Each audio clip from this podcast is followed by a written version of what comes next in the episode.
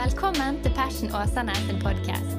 Vi er en ung og levende kirke i Åsane bydel i Bergen som ønsker å lede mennesker til lidenskapelig tro og overgivelse til Jesus, kirken og oppdraget. Takk for at du lytter til vår podkast, og vi håper du blir oppmuntret og utfordret i din etterfølgelse av Jesus.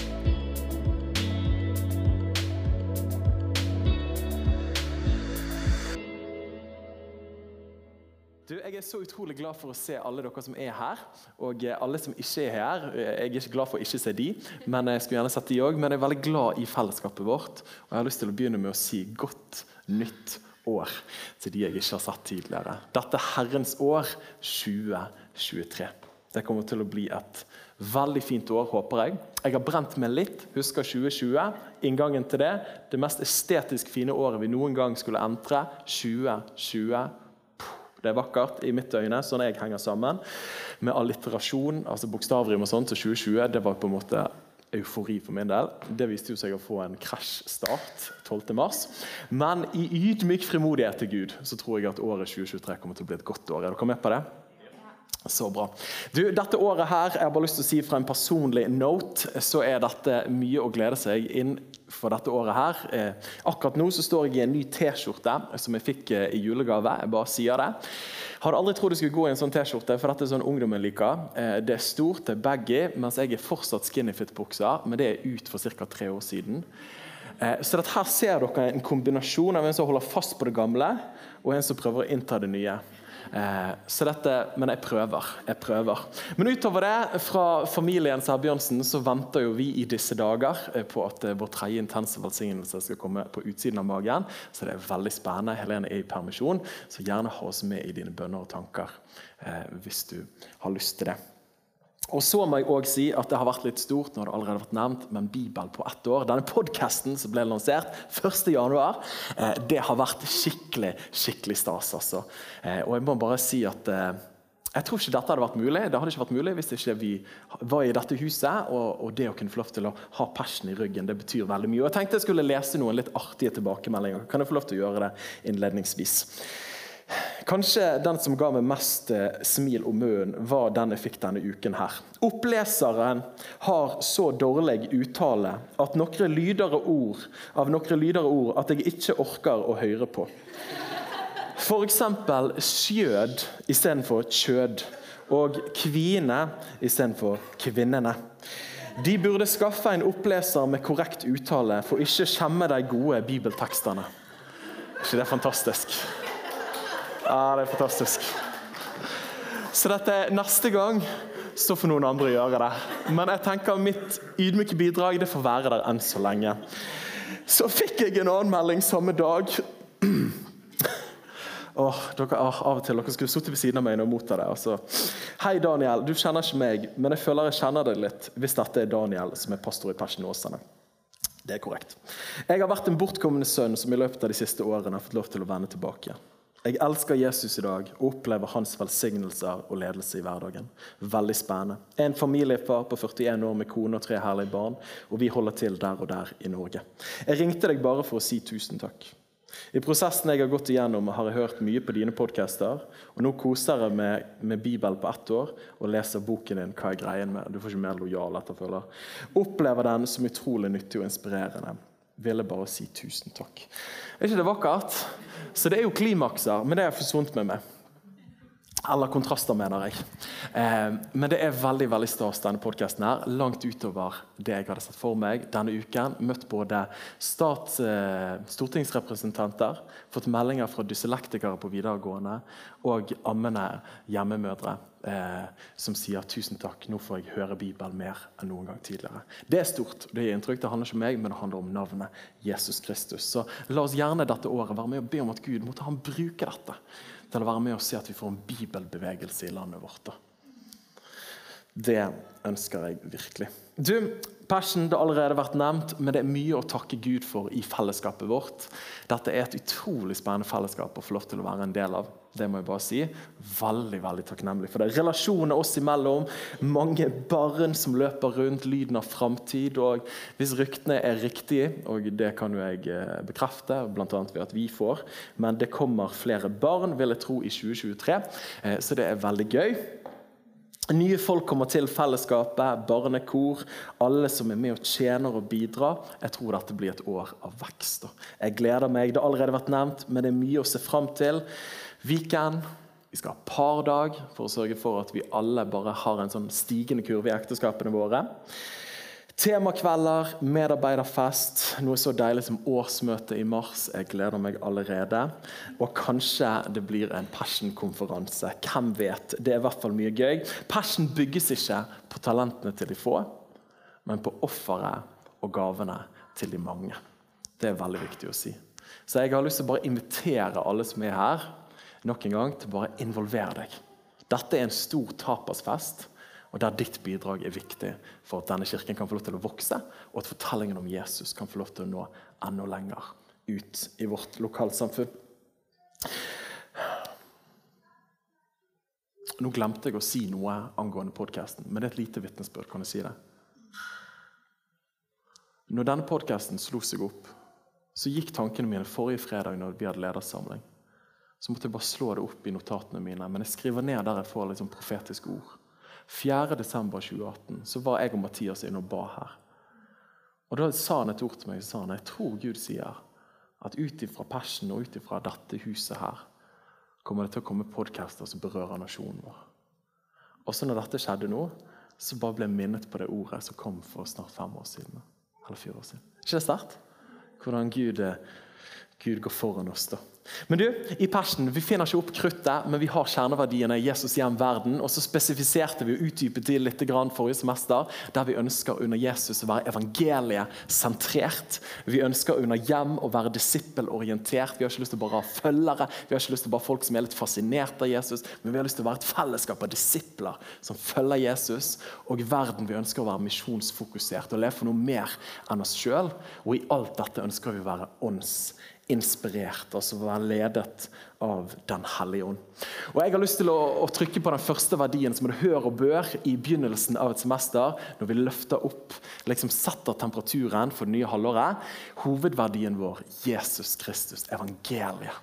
Og Det er ingenting jeg liker bedre å preke over enn akkurat dette. For dette er skjerm, dette er stjernen, dette er vocal point, dette er sentrum, dette er A til Å, og vi kunne fortsatt. Men dette er eksistensberettigelsen til den levende Guds kirke, nemlig nyheten om at Jesus Kristus er korsfestet, han er begravet og han har stått opp igjen for våre synder og til vår rettferdiggjørelse. Er ikke det fantastisk? Og Det er det jeg har lyst til å preke ut ifra i dag. Så jeg lurer på, i all min beskjedenhet, kunne du tenkt deg å reise deg sammen med meg, og så leser vi dagens evangelietekst og ærer Guds ord på den måten? Da leser jeg foran her. De kom så til Jeriko. Og Da han gikk ut fra Jeriko sammen med disiplene sine og en stor folkemengde, satt den blinde Bartimeus, sønn av Timeus, ved veien og tigget. Og Da han hørte at det var Jesus fra Nasaret som kom, begynte han å rope og si, 'Jesus, Davids sønn, miskunn deg over meg.' Da var det mange som truet ham for at han skulle være stille. Men han ropte bare enda mer. 'Davids sønn, miskunn deg over meg.' Så stanset Jesus og sa at han skulle bli kalt fram. Så kalte de på den blinde og sa til ham, 'Vær ved godt mot. Stå opp. Han kaller på deg.' Han kastet av seg kappen sin, reiste seg og kom til Jesus. Så tok Jesus til orde og sa til ham, 'Hva vil du jeg skal gjøre for deg?' Den blinde sa til ham, 'Rabuni, at jeg må få se.' Da sa Jesus til ham, 'Gå av sted.' Din tro har frelst deg. Og Med det samme kunne han se, og han fulgte Jesus på veien. Vær så god, sitt ned. Jeg ber en enkel bønn. Far, vi takker deg for dette semesteret som vi har fremfor oss. Herre, både som enkeltmennesker, men også som menighet. Vi sier 'kom og vær iblant oss'. Og Disse første ordene her, Gud, som blir delt inn i det nye året, la din ånd hvile på det. I navnet Jesus Kristus. Amen. En fascinerende tekst det her om Bartimeus. Tankene mine går tilbake til søndagsskolen.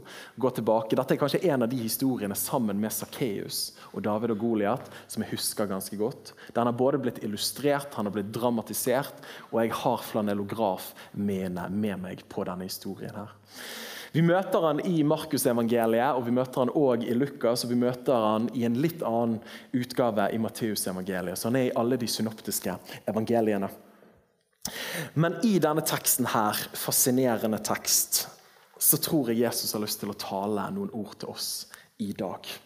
Og Jeg vet ikke hvordan det er med deg, men når jeg tenker på mitt liv, så tror jeg ikke om meg sjøl at jeg er bedre enn alle andre. Men jeg tror heller ikke at jeg mangler alt. Jeg har utdannelse, og de fleste av oss har utdannelse av noe slag. Jeg bor i et hus, et forholdsvis stort hus. Noen av oss har én eller to biler. Jeg klarer meg egentlig ganske greit. Og jeg tror at Hadde vi tatt mikrofonen rundt inne i dette rommet, her, så ville de fleste av oss sagt at jeg er ikke fullkommen, men jeg er jammen meg ikke så gale heller. da. Og jeg vet ikke om dere husker Erna Solberg som sa for noen år siden Hun sa det er jo typisk norsk å, å være best. Og Vi liker jo ikke å være høy på oss sjøl, og vi har lest liksom, vi har jo ikke lest Aksel Sandemoses bok flykter, eh, en flyktning krysser sitt spor', som handler om janteloven. Vi har jo ikke lest den, men likevel ligger liksom i oss. Vi skal ikke tenke for høyt om oss sjøl, i ikke si det høyt. Men vi tenker i hvert fall ikke altfor lavt om oss sjøl heller. Vi har det tålelig greit, ikke minst med alt vi eier og har. da. Og så viser det seg òg sånn at der historien fylles av materialisme og velstand går opp, sammen med litt rasjonalisering av at vi er opplyst og bedre enn andre. Ja, det finnes mange som er mye verre enn oss. Der pleier òg troen å gå nedover. Altså, ser dere den? Så, det så lenge det er noen som er verre enn meg, og så lenge vi materielt har det ganske greit, og så lenge vi kjøper tanken om at vi er opplyst, så er det akkurat som troen pleier ofte å gå nedover. Ja, og Vi kan egentlig stille oss det spørsmålet, og mange stiller seg det spørsmålet trenger jeg egentlig Gud. Ja, trenger jeg Jesus sånn egentlig? Ja, og i så fall, hvis jeg trenger han, hvem er det så Gud møter? Ja, trenger vi han, og hvem er det han møter. Og denne teksten som vi tar utgangspunkt i dag, tror jeg taler rett inn i dette. Til og med til det senmoderne mennesket som vi er i 2023. Det første som møter meg i historien om Bartimeus, som er jo et litt morsomt navn, som vi ikke har vurdert for vårt tredje barn og sønn. Men det er jo forutenom navnet som er litt merkelig. Så vet ikke om det slår deg, men I begynnelsen så får vi en beskrivelse av hans situasjon. Der det er ganske mange minusord som hopper rett i møte med oss. Det første jeg tenker på, er Jeriko. Og Jeg vet ikke om du har studert geografien rundt Jeriko tidligere, men Jeriko det er jo den laveste byen på jordens overflate. Visste du det? Det er den byen som er lavest, altså lavere enn Shanghai og New York. og alle de byene der. For han er 258 meter under havets overflate. Altså Det er så, det laveste punktet rett ved siden av Dødehavet som er det laveste punktet. Så det er den laveste byen som eksisterer i verden. Så står det òg til å begynne med at vi møter denne mannen, og han var blind. Med andre ord, han kunne ikke se. Og På denne tiden her så var det ikke bare å logge deg inn på nav.no og så melde deg opp og si at I can't see, so I need some cash. Men på denne tiden her så var det det, hvis du var syk eller hvis du hadde et handikap, så var ikke det sånn automatisk mye empati du fikk, men da var det tvert imot at hva er det du har gjort for noe siden du er syk? Du må ha snusket i badet eller gjort et eller annet siden vi var helt greit. Så det var ikke automatikk at du fikk medfølelse, heller kanskje mistenkelighet siden du var blind. Og Bartimeus, navnet i seg sjøl, om ikke det er en byrde nok Hva betyr det navnet her? Bar det er arameisk, og det betyr 'sønn av'. oversettes det ofte som. Men hebraiske siste del, 'tame', det betyr uren. Altså så kan det forstås som sønn av den urene, eller sønn av den uverdige.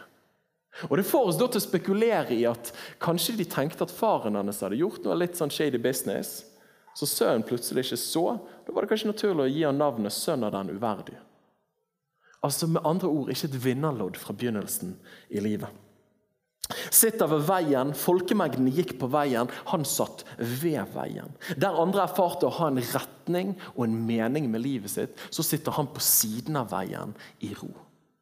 Og Det kan være at noen her inne erfarer det òg, at akkurat som livet beveger seg framover for de mange, ser det ut som, men akkurat for meg, jeg sitter ved siden av veien. Og jeg har ikke noe moment, jeg har ikke noe framdrift. Livet er på pause. Så står det at han tigget. Han hadde ingenting, men han trengte alt.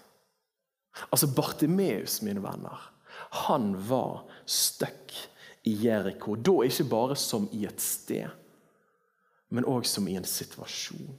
Hele livet hans var satt på pause. Han var stuck i Jeriko. Han var stuck i Jeriko. Og Vi kan fort synes synd på han. Noe vi alle kan gjøre i møte med mennesker som virkelig har messet det opp. Bommet på målet, vært uheldige eller ødelagt godt for seg sjøl. Men faktum er vel at han var blind fysisk. Men jeg har lyst til å påstå at mest sannsynlig, ja, ut ifra denne teksten her, så så Bartimeus klarere enn hele den store folkemengden som fulgte Jesus. Ja, for han så sin egen håpløse situasjon og behovet av en frelser. Er dere med meg? Og som nevnt i innledningen, så er det ikke nettopp dette ofte vi gjør, at vi begir oss ut på sånne moralske konkurranser og kappløp. At der, hvis vi kan si 'så lenge jeg ikke er så ille som han', eller så lenge jeg ikke har gjort så dumme ting som den personen, og så du hva de skrev på Twitter, liksom, er det mulig? Tenk å ødelegge alle karrieremulighetene sine framover med liksom ett øyeblikk av passion. liksom. Eller, det var feil å si passion, der, det burde jeg ikke sagt. Men så lenge du går i passion, så er det ruin. Nei, det er ikke det. Men så at vi kan tenke så lenge jeg ikke er som de, og så lenge jeg er bedre enn de, og så lenge jeg ikke dummer meg ut sånn som den personen, ja, så går det i hvert fall bra, for jeg er jo ikke så ille. Men denne her holdningen her går Jesus så tydelig etter flere ganger i evangeliet. Den mest kjente historien er Lukas 18. Vi kjenner historien om fariseeren og tolleren skal opp til tempelet og be. For å be. Og så står det I det første verset så står det at, at Jesus fortalte denne lignelsen til de som stolte på seg sjøl, at de var rettferdige, og som foraktet de andre stolte på seg sjøl at de var rettferdige og foraktet de andre. Og Denne holdningen her kommer fram i fariseeren sin bønn. Han ber. Fariseeren sto for seg sjøl. Så klart han kunne ikke stå sammen med de andre. Det er jo tross alt litt bedre. Og ba slik Hør på det her. Gud, jeg takker deg for at jeg ikke er som andre mennesker. Gud, jeg takker deg for at jeg ikke er som andre mennesker. Tenk å begynne en bønn på den måten. Det er ingen av oss som ville innrømt at vi hadde bedt sånn. Ikke som, jeg er ikke som andre mennesker, som tyver, som urettferdige, som ekteskapsbrytere eller som denne tolleren. Altså at Vi kan jo ikke si sånn at vi er gode kristne.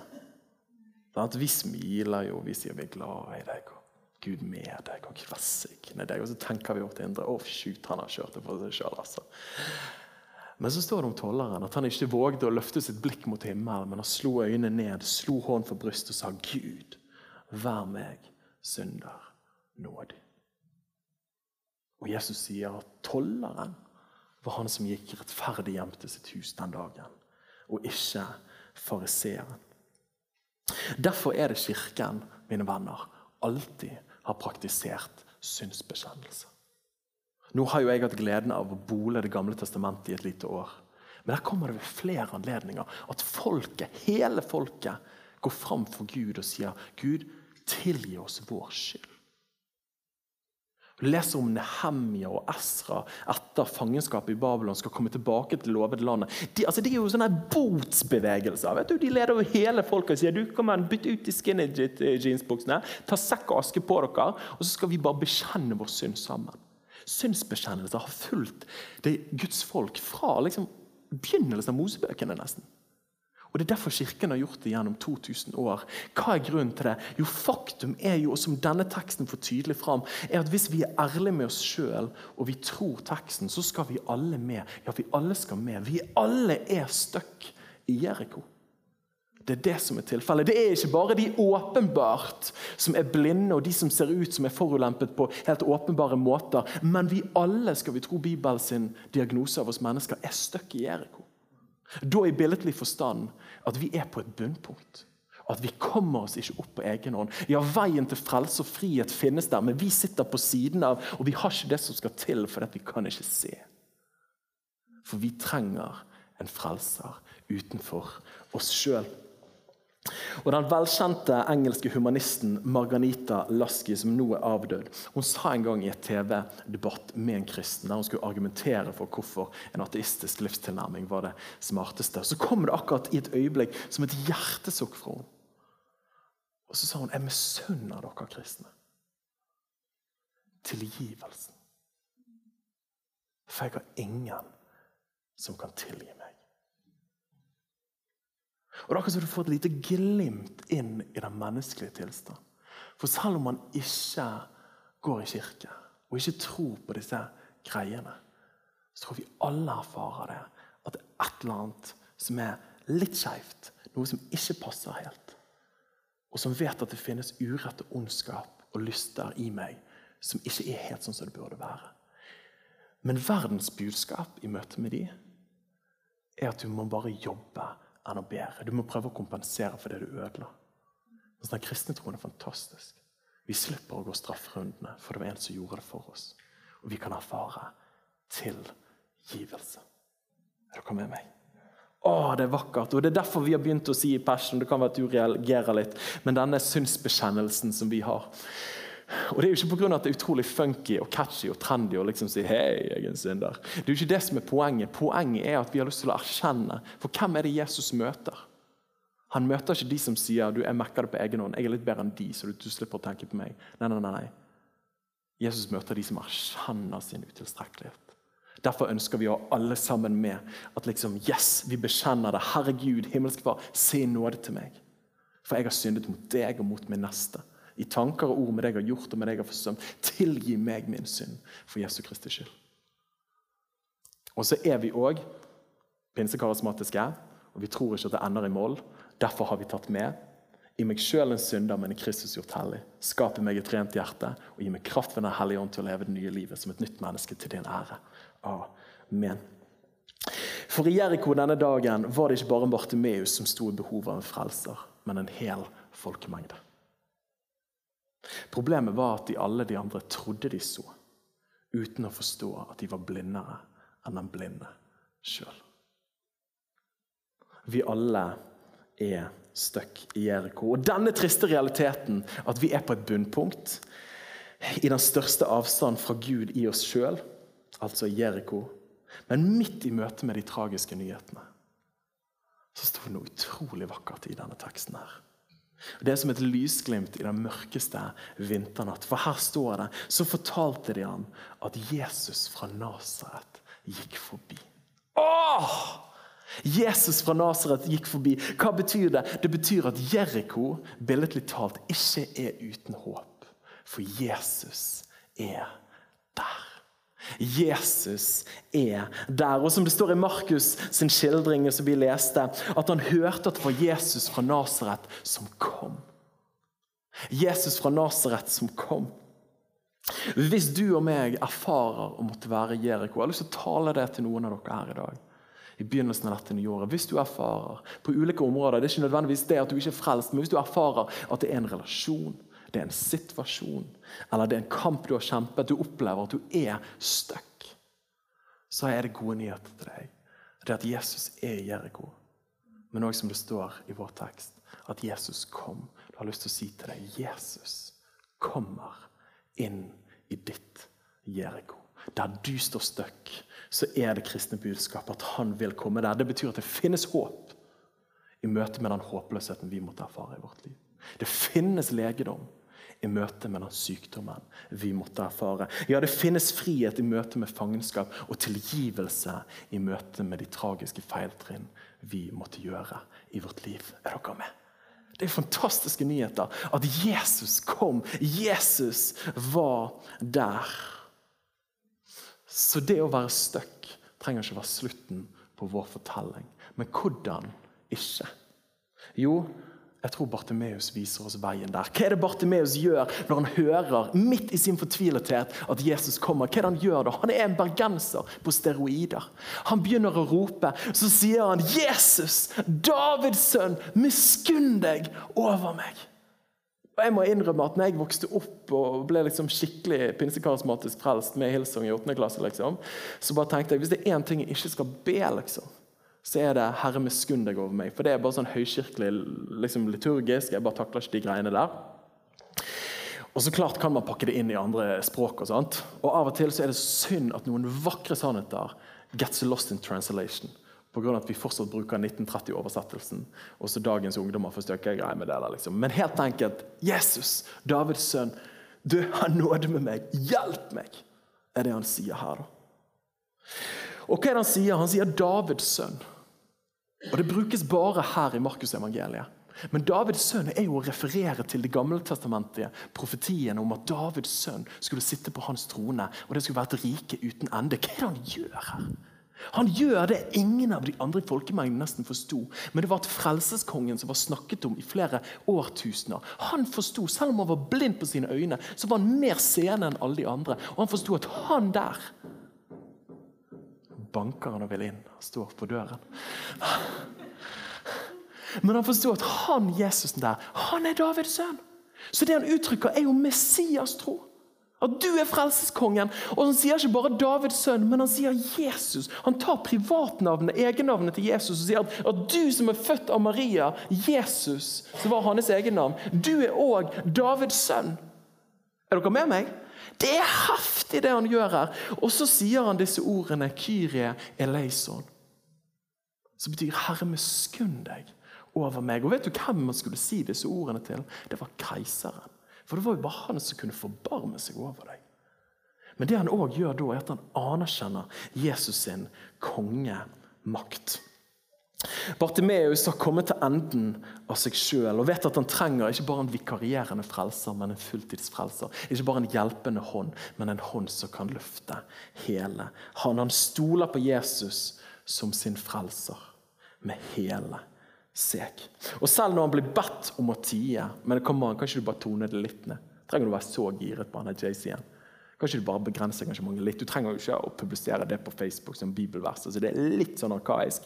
Du tar det ut av det offentlige rom, tar det inn i det private og personlige. Der kan du tenne stearin og ha røkelse og styre på. liksom. Men ikke, liksom, ikke pakk på meg han er Jesusen. Og han bare vet Du hva, du skjønner ikke tegningene. Dette handler ikke om at jeg er giret på å bygge en interesseorganisasjon så jeg har lyst til å få Jesus fram. Nei, jeg trenger Jesus. Altså Hvis jeg ikke har han, så har jeg ikke håp. Altså Han er svaret for min sjel. Dette er ikke bare en greie som jeg holder på med, sånn som du liker pudler, og du er med i frimerkeklubben, så jeg liker han Jesus-toget. Nei, nei, nei, du skjønner ikke tegningen. Uten han så har jeg ingenting. Han er alt for meg. Og han roper bare enda høyere. Og jeg kjenner det et eller annet i meg, og jeg har lyst til at det skal prege vår kirke. Sant? Og av og til kan man få inntrykk av at folk som står utenfor, tenker at vi liksom bygger en organisasjon. Nesten sånn kristen frimurerlosj. Vi skal liksom bare infiltrere alle områder. Så skal vi ta over med de judeo-kristne verdiene og så skal vi bare tvinge folk til å måtte gifte seg når de har lyst til å være samboere. egentlig. Liksom, sånn. Altså bare, du, sorry, altså, det, det, er ikke det vi holder på med. Vi har møtt en mann som forandret livet vårt, og han heter Jesus Kristus. Og Dette her er ikke en interessegreie. Det er ikke sånn Vi liker noen grupper på Facebook og bygger en organisasjon et imperium. Skal vi ta over hele verden? Skal vi gå med ringer alle sammen så vi ser hvem som er i samme klubb? liksom? Skal vi gi oss fordeler? Nei, nei, nei, langt derifra. Og det er der man ofte mister. Dette er ikke en sånn greie. Herre, hvis du går meg forbi, så er jeg uten håp. Du må stoppe her. Og Denne troen uttrykker Bartimeus så vakkert. Og det står at han, når han kom til Jesus, kastet av seg kappen sin. Mest sannsynlig det mest verdifulle han eide. Og En kappe var ikke nødvendigvis billig. Han kastet den fra seg og kom til Jesus. Og, og Tankene går rett til Filipperne 3, der Paulus sier jeg sammenligner alt alt regner jeg for tap for boss. Sammenlignet med det som er så mye mer verd, nemlig å kjenne Jesus. Nemlig å kjenne Jesus. Åh, Jeg preker meg glad i dag, altså. Men Jesus han er ikke bare et substitutt til livet, han er selve substansen. Han er ikke bare et leon, men hvis ikke han er fundamentet, så faller jeg inn i en bunnløs håpløshet. Han er min frelser. Herre Jesus, miskunn deg over meg. Stopp i min, mitt sted, for jeg trenger deg. Og Den velkjente sangen 'Amazing Grace', som vi alle kjenner til. Skrevet av John Newton første nyttårsdag i 1773. Bakgrunnshistorien hans er at han vokste opp i det viktorianske England og hadde ingen sånn sterk religiøs overbevisning fra han var liten. Og Så blir han eh, tvunget inn i The Royal Navy. Han må være med og bidra der. Men han er en obstanazi, sorry for å si det, men en skikkelig drittunge. da. Det er det han er. Så han er frekk med kapteinen sin, og han er frekk med alle. Og så deserterer han pga. at han har blitt forelsket seg i en dame som heter Polly. Så han stikker av og sier 'I'm gonna make love'. Eh, så han møter hun, og så må han da få avskjede fra militæret i unåde. Men det er ikke sånn at han slapp fri. Nei, da bare blir han tvangsoverført til et slaveskip istedenfor. For han skal jo ikke slippe unna, han skal jo ikke bli belønnet for å være en dårlig eh, matros. Så dette, Da kommer han på et slaveskip, og det er jo noe av hans vitnesbyrd. Eh, og Han var der òg frekk mot sine overordnede, så han ble jo gjerne lenket fast på samme måte som slavene, fordi at han var nok en gang ikke en veldig fin fyr. Og Så var det en natt, det var i mars i 1948, så kommer det en mektig storm og grov sjø feier over båten. Og så er det en av mannskapet som blir kastet over bord. Og Han sto på det stedet John Newton nettopp hadde stått på. Og Han blir da slått av frykt. Og Han binder seg fast til pumpene, han og en annen, for at de ikke skal bli tatt med av vannet. Og Så roper han ut til Gud og sier, 'Herre, miskunn deg over meg.' 'Herre, se nåd til meg.' 'Herre, jeg har ikke noe mer valg.' Gud, det er nå eller aldri. Og Han sier at det punktet der markerte hans omvendelse. Der ropte han som Bartimeus. Herre, se i nåde til meg, miskunn deg over meg. Og Så kommer denne vakre sangen, 'Amazing Grace'. Når jeg var på bunn, så var det en som stoppet i mitt Jeriko. Han gikk meg ikke forbi. Ja, så hva er det du og meg Hvem er det vi er, og hva er det vi holder på med? Holder vi igjen? Er vi som folkemengden som er fascinert av Jesus? Eller står det faktisk om mitt liv og min sjel at vi trenger Jesus? Og så Spørsmålet som jeg stilte innledningsvis trenger vi han? Jeg håper jeg har gjort det klart. Vi trenger han. Men hvem er det Jesus møter? Hvem er det Jesus møter? Jo, det er ikke den halvhjertede, men den helhjertede. Det er ikke han som bare er fascinert som folkemengden som går rundt han og syns at dette var litt spennende med han er Jesus som kommer. Nei, nei, nei. Det er han som virkelig trenger han. Og Vi møter noen av de vakreste ordene i Skriften, syns jeg. Det er etter at han har ropt og sagt 'miskunn deg over meg' for andre gang. Så står det 'så stanset Jesus'. Åh! Så stanset Jesus stanset Jesus. Han kalte Bartimeus til seg, og det står at han så 'kom til Jesus'. Og Han stiller han dette spørsmålet så vi ikke har noe annen bevitning av at Jesus stilte andre mennesker. Han sier 'Hva vil du jeg skal gjøre for deg?' Er ikke det spørsmålet vi alle vil han skal stille oss? Her er PlayStation 5. Eh, hva vil du jeg skal gjøre for deg? Tenk å få det spørsmålet der. Kjenn på ordene 'Hva vil du jeg skal gjøre for deg?' Men hvem er det Jesus sier det til? Sier han det til folkemengden? Sier han det til flinke? Eller til eliten? Eller de dyktige? Nei, nei, nei Han sier, de, sier, det til de som har kommet helt til enden av seg sjøl. Og sier at uten deg har jeg ingenting. Jeg satser alle mine egg i kurven på deg, Jesus. Det er make it or break it. Det er du eller ingen. Hvem andre skal vi gå til? som, sier, nei, som Peter sier, etter at Jesus har hatt en litt røff, lite søkervennlig tale i Johannes 6. er det vel. Så, kommer, så begynner disiplene og folkemengden å forsvinne. og så, så sier Jesus folkens, har dere lyst til å slutte å følge meg på Instagram. Har dere lyst til å forlate meg? Og så sier Peter disse, å, det er så vakre ordet, dere med meg? Å, det er så vakkert. Og så sier han hvem andre skal vi gå til? Jesus, du er litt merkelig. Skjønner ikke hele tegningen. Og det kan vi også si i dag. Jesus skjønner ikke helt den kristne etikken alltid. Synes han er litt harsh. Kjenner noen folk som synes det er superkrevende. Jeg får ikke alt til å gå opp i mitt hode. Men Jesus, hvem andre skal vi gå til? Det er ingen som har gitt meg håp sånn som deg. Det er ingen som har helbredet meg sånn som deg. Det er ingen som har rørt ved meg sånn som deg. Hvem andre skal vi gå til? Og det er som en rød tråd gjennom hele Skriften. At de som blir funnet av Jesus, er de som vet at de er fortapt, og at de trenger han.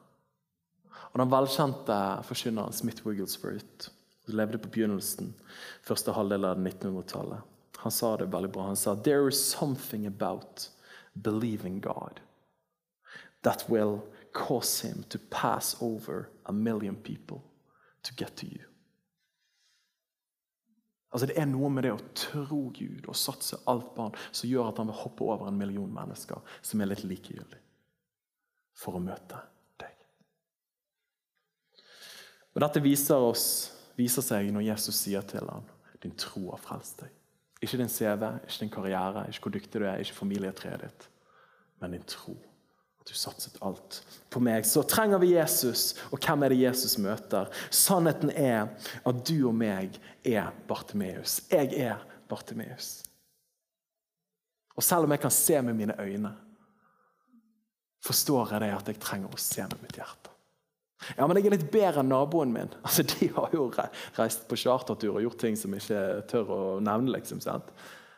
Nei, nei, men uansett. Faktum er at vi alle er stuck. Og min bønn for det nye året, om bønnen min, som vi har bedt denne uken, når det har vært bønneuke, det temaet vi hadde på mandag, er at Jesus vil du vekke kjærlighet til deg i våre hjerter. For hva er det Bartimeus sier når Jesus sier til ham, hva vil du jeg skal gjøre for deg? Så sier han, Herre, at jeg må få se. At jeg må få se. Måtte det være bønnen vår for dette året. Jesus, la oss få se deg. La oss få se deg, Jesus. La oss få se deg. For hva er det som skjer etter at han får se Jesus? Jo, I Lukas' sin skildring så står det at, at, straks kunne han se. Og nå er jeg snart ferdig. Så står det straks kunne han se, og han fulgte Jesus, og han æret Gud. Du og meg vi lengter etter å følge Jesus. ikke sant? Vi har lyst til å være gode disipler. Og vi har lyst til å leve liv som er Guds ærende. Men hva er forutsetningen for å følge han og for å ære han? Jo, det er å se han. Så hvis ikke våre hjerter har sett han, og hvis ikke vi kontinuerlig ser han og blir bergtatt, blir grepet, blir fascinert, åpner vår bibel, hører det på våre ører, er sammen i det kristne fellesskapet, erfarer at folk ber for oss, lever et liv i Den hellige ånds nærvær Hvis ikke vi er der, så blir det etter hvert veldig tungt å følge han. Fordi at vi er ikke grepet av han, fordi at vi ikke ser han. Og Da blir det òg ikke veldig mye gudsæring fra livene våre. Og det er kanskje å strekke det, mine venner. Men vi liker jo av og til å strekke det litt. Men Bartimeus, sønn av den urene. Men det finnes òg en annen oversettelse av det navnet. Bar, sønn av. Men hvis det er en greske ordet time istedenfor, istedenfor det hebraiske tame, så betyr det istedenfor sønn av den verdige. Sønn av den ærbare. Og jeg tror det finnes et lite evangelieforkynnelse bare i det. At i oss sjøl så er vi uverdige. Sønn av uverdighet. Men idet vi får lov til å komme til Jesus, våre hjerter, våre øyne blir åpnet, og vi får erfare hans miskunn over våre liv. Tar han vår urenhet, og så kler han oss i verdighet. Og så kan vi få lov til å gå oppreist. For vi ser han, vi har begynt å følge han, og vi ærer han. Og han bytter vår uverdighet med verdighet. Så du er ikke lenger en sønn av uverdighet, men du er sønn av den verdige. Det er fantastisk. Så jeg har lyst til å invitere oss som kirke til å be denne bønnen. Jesus, som jeg tror personlig, jeg er så enkel av meg, men det er nøkkel til alt kristenliv. Nøkkel til alt velfungerende menighetsliv. Ikke mer penger i liksom fetere stæsj og gig, som det er fett. Men det kommer helt ned på hjerteplan. Ser vi Jesus. Ser vi Jesus, da begynner vi å leve rettferdig. Vi slutter å gjøre synd. Vi begynner å bry oss om vår neste og leve på en måte som er liggende Han. Når vi ser han, begynner vi å følge han, og da begynner vi å ære Gud. Amen. Skal vi ta og be til Gud sammen? Jeg ber en bønn, og så går vi snart inn i lovsang. Men så skal det være en delestund når Silje tar over. Far, vi takker deg, Jesus, for dette ordet. Takk for at vi er Bartimeus. Og ber deg, Gud, om at du tar oss til det stedet. Herre, sånn at vi ikke er som folkemengden som bare er fascinert. Vi er bedre enn de andre, så er det ikke så nøye. Men Jesus, ta oss til det punktet der vi forstår at vi er totalt fortapt uten deg. Og vi trenger deg, Jesus. Og Jeg ber om at når vi da får se deg, så skal det lede til et liv i hel etterfølgelse. Og Guds ærende liv i etterfølgelsen av deg, Herre. I navnet Jesus Kristus. Måtte dette være vår bønn, måtte dette være det som skjer dette året. At vi får se deg. Amen. Takk for at du lyttet til vår podkast. Hvis du synes den var bra, så del den gjerne med noen flere. Vil du vite mer om hvem vi er, hva som skjer, og kanskje besøke en av våre gudstjenester, se vår nye hjemmeside på fashionåsane.no, eller følg oss på sosiale medier. Helt til slutt, ta imot Herrens velsignelse. Herren velsigne deg og bevare deg. Herren la sitt ansikt lyse over deg og være deg nådig. Herren løfter sitt åsyn på deg og gir deg fred.